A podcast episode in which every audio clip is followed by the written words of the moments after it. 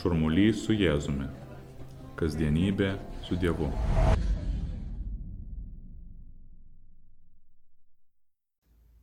Mėly klausytojai, bažnyčia nuo seno pristato švenčiausią mergelę Mariją kaip sektiną pavyzdį visoms moterims, motinoms ir kiekvienam tikinčiajam, trokštančiam tobulai sekti Jėzų ir vykdyti Dievo valią nuolankiai savo kasdienybėje.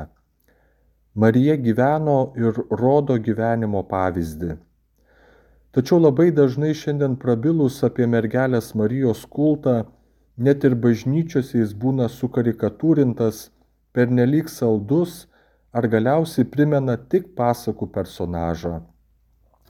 Kantrus įsiklausimas į Dievo valią, ištikimybė iki galo, pasiaukojimas, visos šios savybės, kurios buvo būdingos Marijai, nėra populiarios šiandien.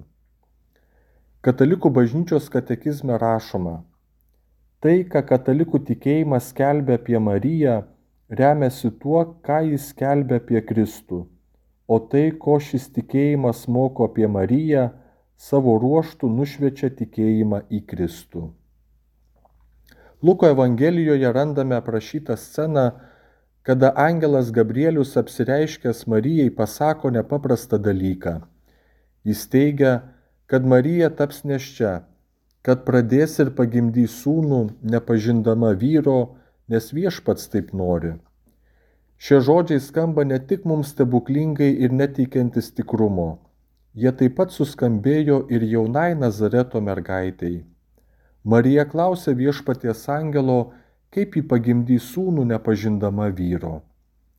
Argi tai negražus priminimas ir mums šio laiko žmonėms, kad gyvybei prasidėti reikia vyro ir moters, kad gyvybę negalima manipuliuoti prisidengus mokslo pažangą ir užauginti mėgintuvėliuose, kad gyvybės prasidėjimas yra kilniausias ir gražiausias, tuo pat metu ir paslaptingiausias veiksmas, išaukštinantis vyrą ir moterį, kurie prisideda prie Dievo kūrybos plano. Taigi Marija puikiai supranta, kad be vyro negims vaikas. Bet kas čia nutinka? Angelas sako Marijai, šventoji dvasia nužengs ant tavęs ir aukščiausiojo jėga apgaubs tave. Marija nesuprasdama iki galo angelo žodžių, nepatyrusi niekada tokio stebuklo kaip vaiko gimimas be vyro, pasitiki viešpačiu ir jis jos neapgauna. Svarstydami tokį mums žmogiškai nesuvokiamą Dievo veikimą turime nepamiršti, kad Dievas elgesi taip, kaip jis nori, o ne kaip mes norime ar pagal mūsų susikurtas schemas. Jei galvojame, kad gamtoje tokių dalykų nebūna, nepamirškime, jog mūsų protai yra sužaloti gimtosios nuodėmės ir greičiausiai čia žemėje esame nepajėgus iki galo suvokti nepaprastų Dievo darbų. Marija net savo žemiško gyvenimo laikotarpiu ėjo virš visų nuodėmės ir gundimo bangų.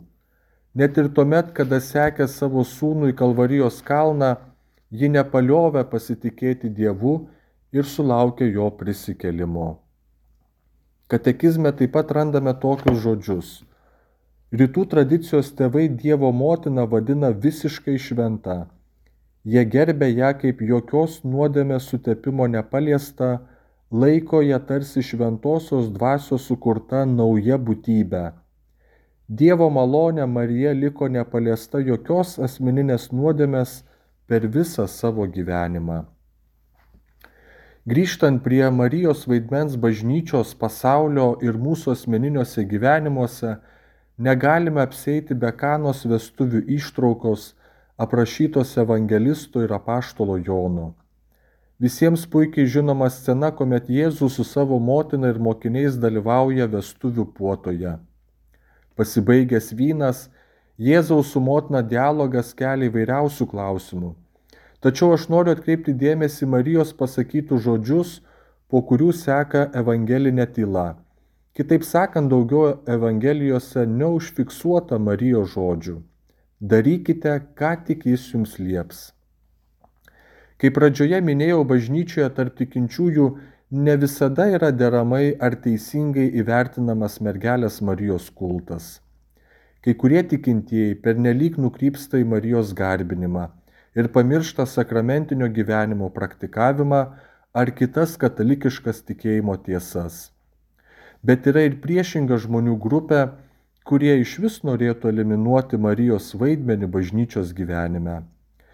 Taigi kanos vestuvių įvykių fone Marija pati mums atskleidžia, koks iš tikro yra jos vaidmuo, kaip mes tikintieji turėtume į ją žvelgti. Marija sakydama, darykite, ką tik jis jums lieps, nuolat mūsų žvilgsnius kreipia į savo sūnų Jėzų Kristų. Taip pat jį parodo, kad gali ir yra mūsų iš viešpaties gaunamų malonių tarpininkė ir užtarėja.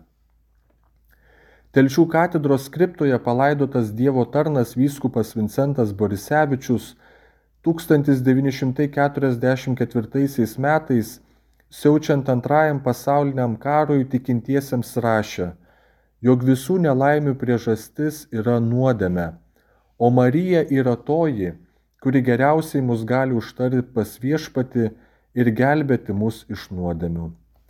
Tad nepaliaukime pasitikėję Marijos globa ir užtarimu.